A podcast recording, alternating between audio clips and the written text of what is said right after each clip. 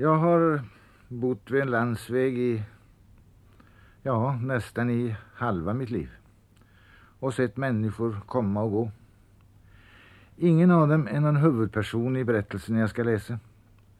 Det är vägen själv som är huvudperson.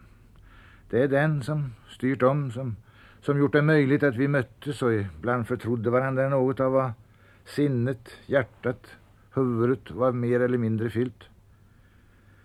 Kanske någonting som aldrig ville fram under tak, mellan väggar. Du kom från ena hållet, jag från andra hållet. Och du gick åt ditt håll, jag åt mitt håll. Och det är ibland som när en människa, när hon vill prata förtroligt med en annan, så tar hon henne i armen, skrev Tolstoj. Inledningsvis vill jag få citera några rader också ur Martin A. Hansens Islandsbok.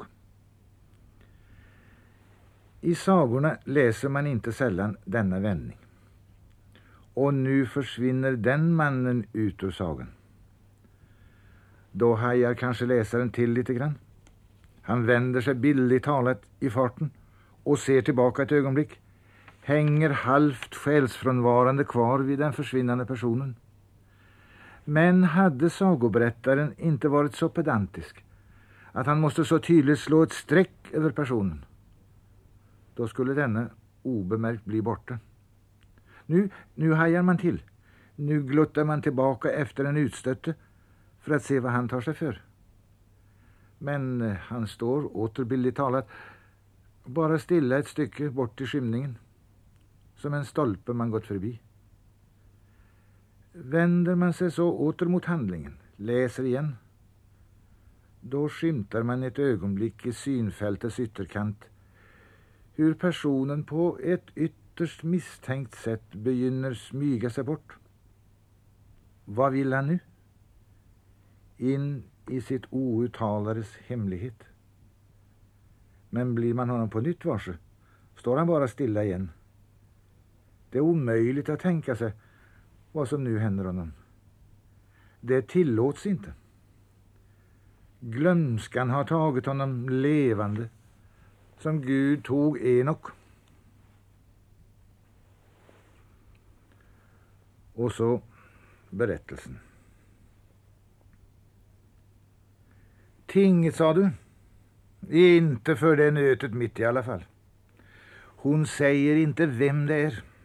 Ja, jag vet inte, säger hon. Vet du inte, har jag sagt.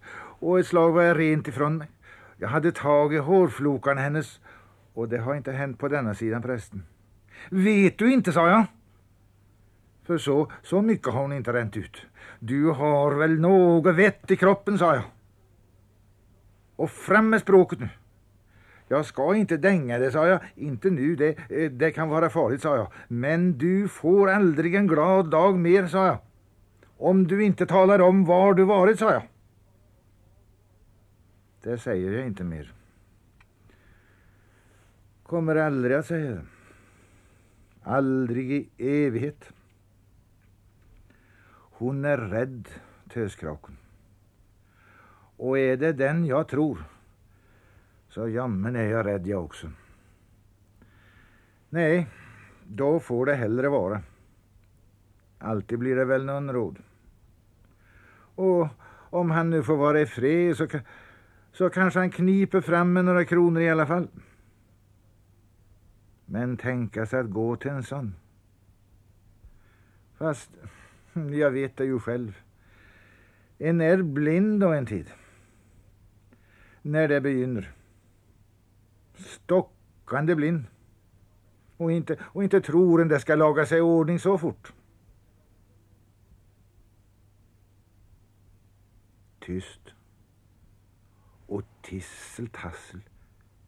Men jag är så tyst jag kan vara det. Det är bäst. Se på orgeltramparen där.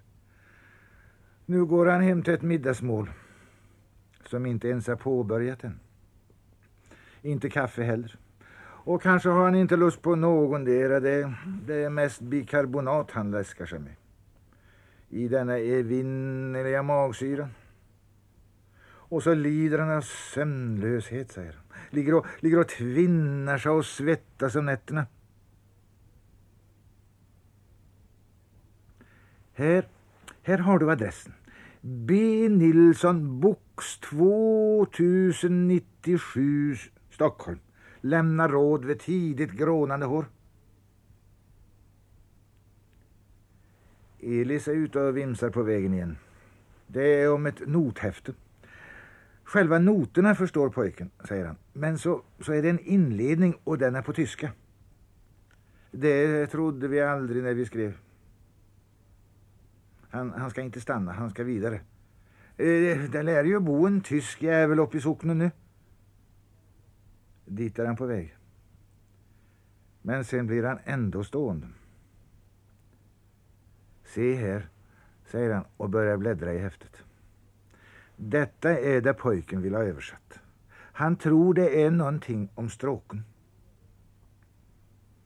Nervös och ivrig har han gjort en så fast rullad bladen gång på gång glider honom ur händerna och vecklar sig samman. Det låter han gå ut över tysken. För den enda gången ni behöver det jävlarna så, så kunde de bo lite närmare. Han blir förresten allt mer oviss om, om han ska fortsätta. Om han blir stort klokare därest han fortsätter. För om nu tysken ingen svenska kan. Här, här har allting varit så motigt att en, att en extra besvikelse bara är trolig. Han vill varken fortsätta eller vända om. Helst vill han stå kvar och tala om sanningen med kontrabasen, meningen med den. Vill ha sagt att så är ju den 20-årige musikanten på sätt och vis livsduglig igen. Det, det är märkliga toner. Men skrämseln är kvar i ögonen och villrådigheten. Han håller fram nothäftet som ett slags maktlös spett och ett alldeles vanmäktigt bräckjärn. Ensam ska han nu få gå där i stenåkern. Pojken får inte något tag med de lama benen runt kontrabasen heller. Och nu, nu är hon skämd. Jag har kanske aldrig trott det skulle gå annorledes. Fast, fast trott och trott, hoppats har den väl gjort. Att det någon gång skulle bli bättre. Bli någonting som liknade folk. Det pilar ju inte väg alldeles bort i natten det andra och klarar sig om de det gör.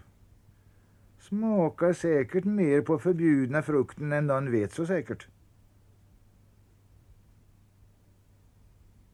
Leviatan som en rakororm är. Och Leviatan som en krokotorm är. Esaias 27.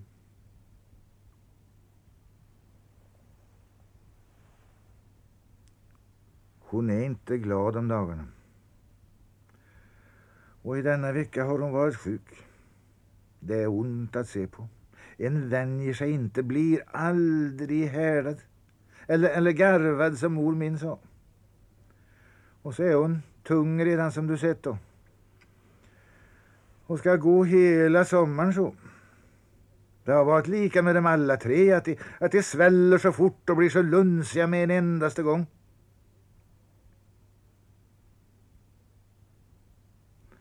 Han kom aldrig så långt som till tysken. Han vände tillbaka hem och sa att skit i det här med stråken. Det låter alldeles tillräckligt vackert som det gör. Och sen kom ett brev som han tycker gav honom rätt beträffande den inställda vandringen. För det har musikkår där nere.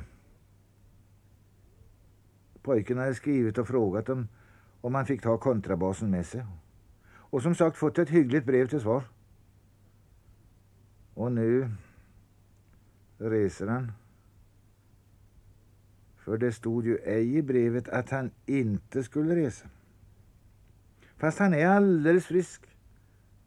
Sån är som på benen. Elis upprepar den bergsäkra otroligheten. Så nu reser han snart.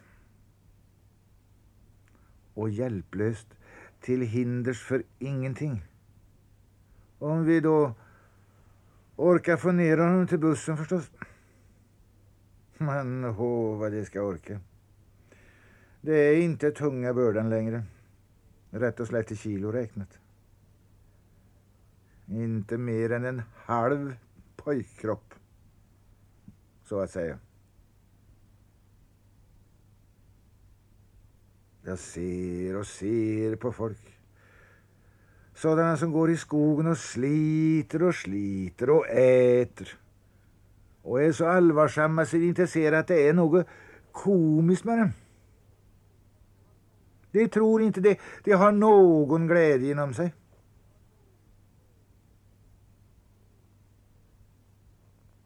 Så det blir ingen flyttning då? Nej, det blir det inte. Och naturligtvis tog han i för häftigt. Det var, det var ju ingen särskilt våldsam fest. Värre har jag varit med om. Vi höll inte på mer än till två, kanske tre. Men det var, det var just ingen som sjöng. Och, och varför kom han inte ner och var med själv? Istället för att trava där uppe i ensamheten fram och tillbaka. Klockan åtta kom han ner, säger de. Och väckte dem. Och sa att nu får de flytta den första. Jag kan inte vaka längre på det här viset, sa han.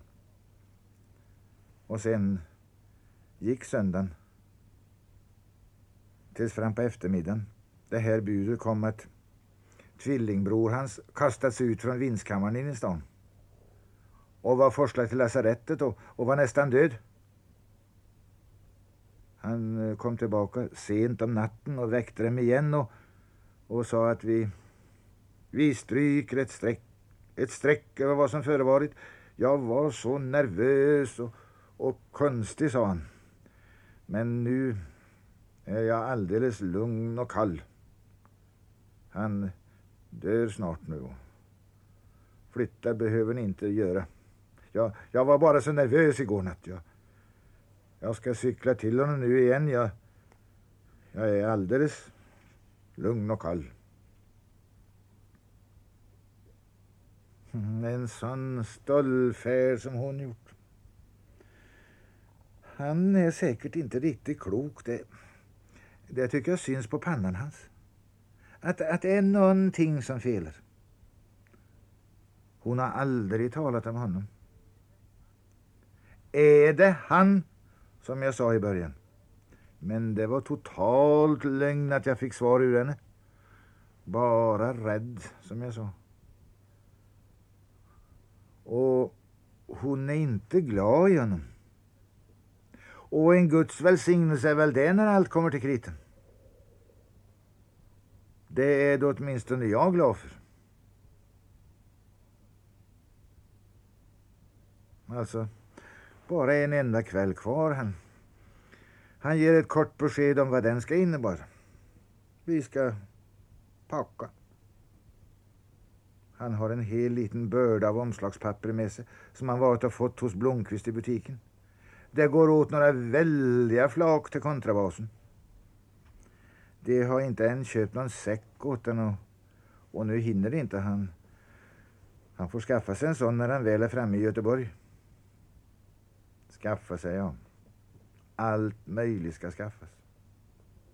Nattkläder till exempel. Det skrev om nattkläder. Det finns någonting som heter nattkläder. Sen säger han. Men om nu detta blir hans livs enda resa så... Och så vill han ju styra ut så gott en någonsin förmår. Han står och får ett leende kring läpparna. Han, han tänker på hur det i alla fall finns att ta när det verkligen gäller. Jag har inte räknat ut det riktigt än. På nytt summerar han i huvudet och lägger så näven över haka och mun över, över den olämpliga belåtenheten som han känner finns där. Men som inte finns i hans sinne, i hans hjärta. Förbanne mig, säger han hårdare. Om det stannade med 300 kronor, ny kostym, ny överrock och, och en ny kappsäck.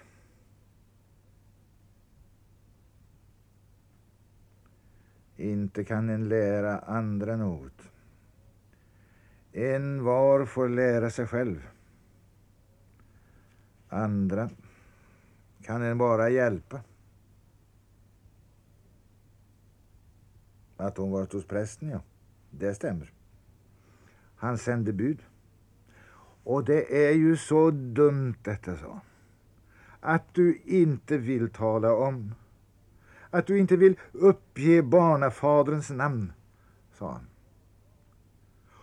Och ja, säger då det himmelens nyttet. Det, det är dumt så. Så dum ska jag inte vara nästa gång. Undrar du på att han blev förfärad, prästpojken? Nästa gång, sa han. Det får inte bli någon nästa gång, förstår du väl? Och hon blev alldeles blodröd, berättade hon, när hon kom hem. Så röd så det brände, sa hon. Nej, nej, nej, det var inte det jag mente, sa, sa hon att hon sagt. Och att hon rodnat bara värre och värre och... Och han rodnade, sa hon jag, eh, jag tyckte så synd om honom, sa hon. Han är bara som en pojke, sa hon. Snäll. Det har jag förresten hört de säger flerat. Att han ska mm, vara hygglig.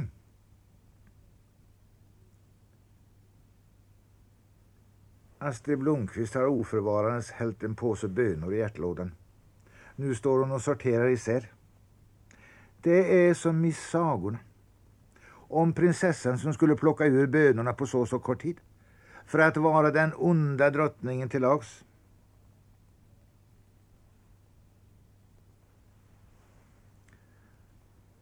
Ja, jag är inte säker. Det, det kanske changerar. Det är nog troligt att det gör. Och ja du Blomqvist. En annan changerar minsann också så, så är det så. Hon ska förresten ha klänningstyget mest av bitterhet. Av förbittring. Snåljåpen, säger hon. Aldrig ett öre han klämmer ut med. Här får en gå. Sen skjuter hon dock in prislappen igen. Först ska hon ha en leksak. En bil. Han, han fick ingen till jul. Två är små och billiga. Blott 1,25 efter vad Blomqvists blyertskraft visar. Själv tycker han emellertid det är dyrt. För sex, sju spik och, och så pass ved som i en cigarrlåda. Det är möjligt att jag tar det tarvligaste tyget, svarar hon till det. Men bilen får bli riktig, den, den här. Mm, då är du strax uppe i tre kronor. Och så denna, fem. Tänk en, en hel femkroning. Han ger henne inte rätt i hennes spendersamhet. Hon är, hon är amper kan han höra. Att hon gjort ungen amper, det, det vet han. Bara det pekar ska de ha. Det var, det var inte så förr i världen. Jag minns inte jag hade annat leketöj, som norsken säger, än, än en gammal rostig kniv som, som jag for och sargade med mig. Nej, gråter gör hon inte det. Det har ingen av den gråtit. Hon, hon är bara tyst. Jag köpte skor åt henne igår. Blomqvist har fått hem med Sleif. Har hon verkligen så små fötter? sa han. Elaka var de, Och framför allt snåla. De köpte en gård och efter en tid frågade någon den gamle drängen vad han tyckte om den nya regimen på gården. Jag säger ingenting om husbondfolket, sa han. Men jorden, den förbannade jorden som ska bära såna as. Om man hade vetat så mycket när man var 20 år som man vet nu. Jag var 30 och väl så det innan jag begrep någonting. Han ger Beda till bästa igen. Jag hade väl varit gifta så där en åtta, tio år tänker jag. Och då minns jag en kväll jag gått och lagt mig och Beda gick kvar och stökade och, och stod och diskade. Göm det nu till imorgon sa jag och kom och lägg dig. Kom och lägg dig du också. Jag, jag, jag kommer strax, sa hon. Jag ska, jag ska bara diska färdigt först. Så gick det en stund. Kom nu, sa jag. Samma svar. Omsider tänkte jag, så ska du jäveln i mig få stå där också. Det var vid midsommartid, det kommer jag ihåg. Dagen före midsommarafton till och med. Det gick en fin gulklädd amerikanska och spankulerade här. Men den är nog för vågsam för mig, tänkte jag. Istället stämde jag möte med ett pikskrälle. Men när jag sen åkte hem, vem tror du jag möter?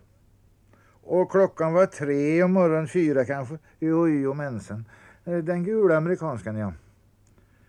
Så innerligt dum kan det vara. Bara dum. Tills det är för sent. Enda trösten en har är att kvinnfolk inte alltid är så klyftiga det heller. Inte så som de tror i alla fall. Inte, inte har Beda varit det. Och det har hon nog fått röna ska jag säga dig. På ett sätt tycker jag att det är synd om Beda. Det, det tycker jag ibland. Nej. Om jag så lever tills jag blir hundra så ska jag aldrig glömma det. Hur det kom ut efter vägen, upp för backen här. Och nu ska jag säga till dig vad jag inte sagt till någon människa för. Jag kan inte få i min syndiga skalle att det gick Herrens ärenden. Det, det såg inte så ut. Inte det att det var svarta, det, det passade sig väl eftersom Helga var så sjuk. Och kanske skulle jag inte ha motat dem som jag gjorde. Inte, inte sagt att hon var så förskräckligt dålig. Jag skulle kanske ha gjort det lite bättre än det var så det inte blivit så ivrig. Det kom en ond glimt i ögonen på Samuel. Du tänker väl aldrig stå oss i vägen, sa han. Jag har vittne med. Ingenting ska gå annat än rätt till. Men du får inte hindra oss i detta värv. Det är farliga saker att stå i vägen för Jesus. Och detta hörde hon väl in där hon, där hon låg. Det ekar så väldigt där ute i glasverandan. Om hon inte hörde orden så hörde hon i alla fall tonen. Och så ville hon spara mig, tänker jag, så, så sjuk hon än var. I får komma nu strax, hörde vi henne säga. För sen vill jag vara alldeles ensam. Så stegade det in och så gjorde jag en dumhet till. Jag trodde allt skulle bli så fridfullt som det begynte. Det var ingen av dem som talade om något testamente. Men jag skulle ha varit kvar. Jag skulle ha stått och hört vid dörren åtminstone. Nu sjöng det en vers, stilla och vackert, av en sång som hon tyckte om. Tämligen vackert i alla fall. Och så läste du saltaren och så bad de och, och så tänkte väl jag att eh, nog förtjänt att bli undfägnade så, så gott som bara möjligt efter det här. Jag smög mig ut i köket och ställde till mig bättre än förut. Gick och ångrade att jag med hårt och hatiskt sinnelagat i ordning åt dem. De hade fått sparbanksboken hennes när jag kom in igen. Och fullmakt. Och fått henne vred mot mig. Stugan är i alla fall kvar, sa hon. Och symaskin. Och annat än slit blir det inte det. Det ska du aldrig tro.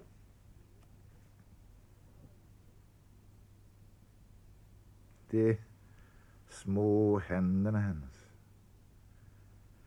De små löven. Ja, jag tror det går bra för henne. Det, det har jag alltid trott som jag sa.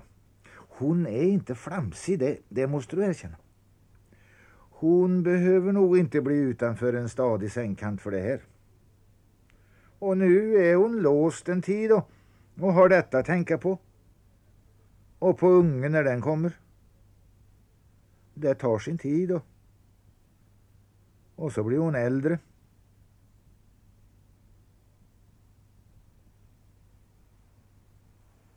Det är inte ofta jag varit ute i sommar. Ser du? Det syns knappt på gräset att jag gått där. Bara, bara som en krusning efter fjätna mina. När jag vävde de där gardinerna så, så, eh, så blev jag så trött, så trött. Jag, jag ser så dåligt nu.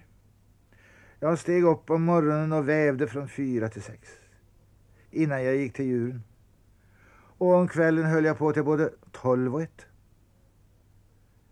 Men så fick jag ont i huvudet. Jag, jag är inte inne precis. Det var, det var utanpå. Det var som om en stor stark kar stod och luggade mig. Det, det var som vart hår blev slaget in i skallen med hammare och spik. Så snart jag vävt en stund kom karen och luggade och luggade. Jag trodde jag skulle bli galen i hela kroppen till slut. Men eh, gardinerna blev ju fina.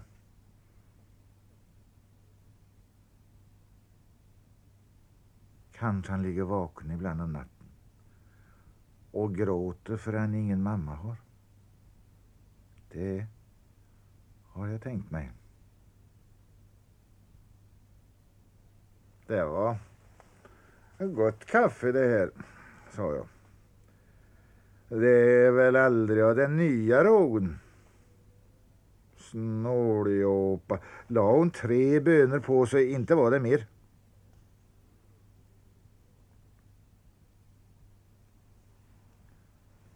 Hon blir inte begraven denna söndag. Det passar inte då utan, utan hon blir balsamerad så länge. Och inne på begravningsbyrån trodde de hon nog, hon nog skulle hålla sig.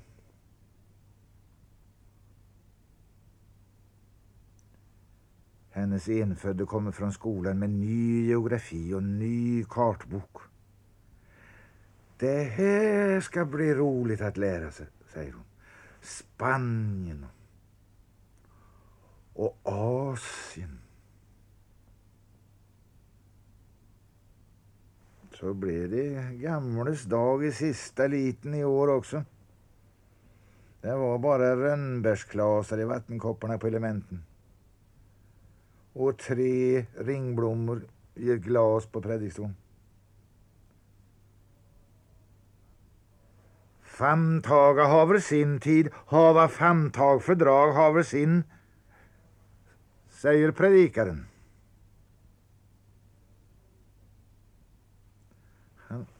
Han står först och drar tummen över ett silkepapper med, med näsdukar under. Därnäst spekulerar han på en vit skjorta, så, så återigen på näsdukarna. Sist köper han en snusask och skjorta. Han berättar hur han klätt julgran, hängt alla karamellerna på ena sidan eftersom Alfred antagligen blir liggande nu och inte ska orka upp mer och se på andra sidan. Jag är trött på att låna ut sidenklänningen min varenda gång hon ska på kalas. Hon svettas så väldigt under armarna och, och, och bara förstör den för mig. Så nu har jag tagit in den i sömmarna. Hon ska ha skohorn efter om hon ska kunna vränga den på sig.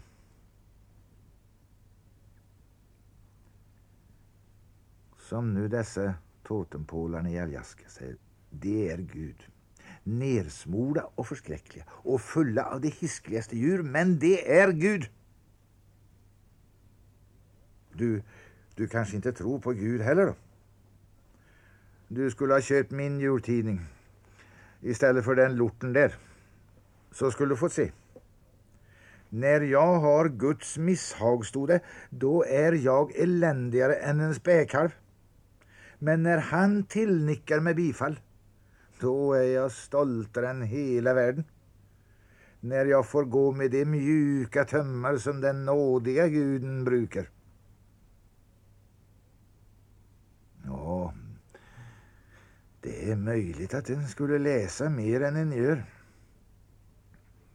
När jag bodde väst i Mölnerud be, begynte jag läsa igenom Bibeln från början för att se efter riktigt vad som stod i den. Jag, jag kom ganska långt ända fram i domarboken men, men jag sen knäppte till och övertog butiken här sen, sen har jag aldrig fått tid mer. Såningsmannen ska du ta, Enok. Nu till året. Där står frågor som sannerligen ger något att tänka på. Om människan som ska äta sitt bröd i sitt anletesvett. Men har du tänkt på, stod det, att det är många som nog vill svettas men som inte kan få arbete? Betyder det att straffet är slut? Eller väntar det något ännu förfärligare? Och du som frågar, stod det, har du så tänkt på alla dem som, som tjänar sitt bröd och mer till utan så mycket som en endaste svettdroppe?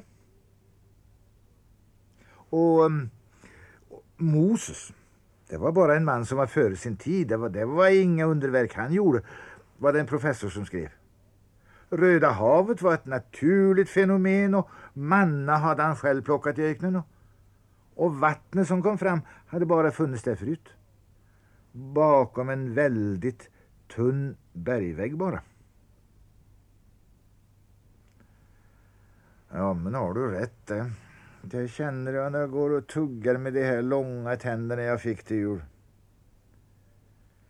Det är ont om tänder nu sen kriget, sa han, tandtekniken. Så det blir kanske inte helt passande, sa han. Utan det blir kanske lite längre än det egentligen borde vara för er, sa han. Och det kan jag tryggt säga att det blir.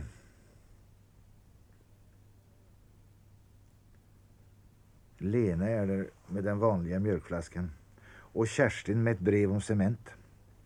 För den berättar hon att Gösta fryser i boden. Dessutom har hon hjärta för fler. För ryssarna som fryser så erbarmligt att de löper rätt in i finnarnas tält och värmer sig. Arne sänder en kalvkropp med bussen idag. Vi får för lite mjölk, säger han. Och om han nu svalt stackarn, eller, eller om han inte trivs.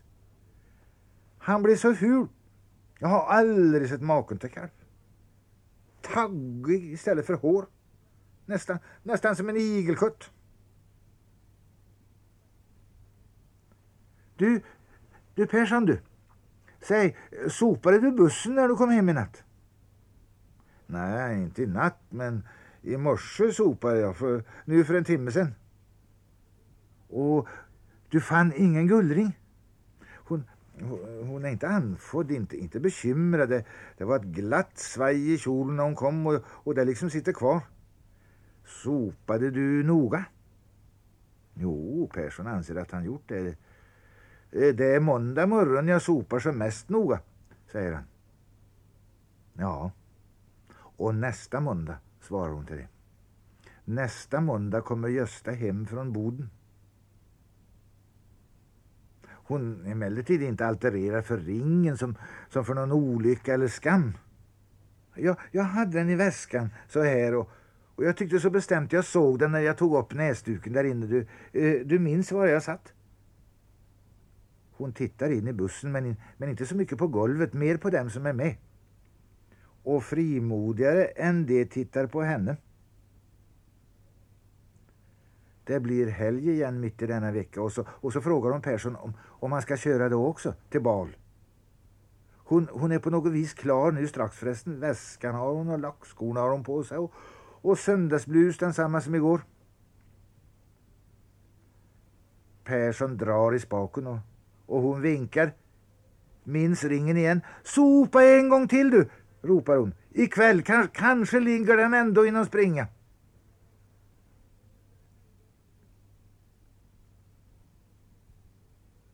Det står väl till.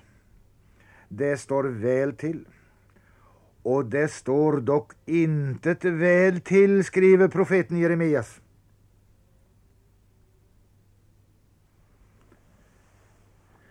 Kerstin har ungen på armen. Imorgon är det jag som far in till doktorn med honom. Se så hemsk han är. Han har fått skorv. Tycker du inte han är hemsk? säger hon om igen. Men Lena tycker bara han är fin, trots skorven. Hon väntar tills Tyra svajat och stad ett gott stycke på återvägen. Så säger hon, om du skulle ta ungen med dig, säger det lågt och tystnar sen tvärt. Det är inte så lätt sagt. Och först när vi ska skiljas, om jag skulle resa med dig till doktorn. Jag förstår inte det här. Jag trodde så säkert jag skulle bli tjock nu i vår äntligen. Så som Arne och jag har slitit och försökt. Att jag ska vara så rak till intet. Hon tittar inte på Kerstin, inte på ungen heller. Hon håller blickarna envist mot skogen, mot dimtottarna där bakom. Om du skulle ta pojken med dig och komma hem en kväll och bli hos oss hela kvällen så kanske Arne och jag till slut kunde få en vi också. Jag tror du har välsignelse med dig. Nej, det ska bli roligt när det blir nattelefon. Då ska jag vaka till högsta natten en natt och så, och så ska jag ringa upp Johan. Är du vaken du också? Ska jag säga, sover du inte?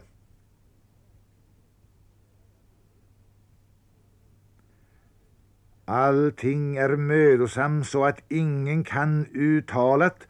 Predikaren 1.8. Mm, ja, det var förresten ett satans förbannat frö till käring. Var precis är det bror din ligger? Att det är nära bårhuset vet jag, men, men är det ovanför? Ja, ovanför. Han har redan vänt sig om och säger det över axeln. Och till vänster där det, där det är murgröna. Nu stannar han, kommer, kommer ändå inte undan. Nej, det är ingenting på den. Det visste hon, eller det ante henne. Men främst vet hon att ensamheten inte blir lättare vilken skuldra han så boxar med. Ja, jag tänkte gå dit med en pelargonia ändra dagen och sätta ner. Tack ska du ha. Han har inte synts till på hela vintern. Eh, du kan förresten komma och hämta pelargonian själv, tycker jag. Ja, det kunde jag göra. Hon tar hans bror till hjälp, manar på med honom. Han skulle nog tycka det var roligt. Nu står han hos dem som om det varit igår. Och inte i höst en gång. Tänk, säger hon, så stor och tjock som han var. Och så stark. Men där blir den kvarlämnade och vissne av de två med ens livlig slår ut med tumvantarna. Och så förändrad han blev. Han menar strax efter döden. Och stryker med vanten över sitt ansikte. Det är allt bättre när de är avtärda. Då ser de mer beredda ut.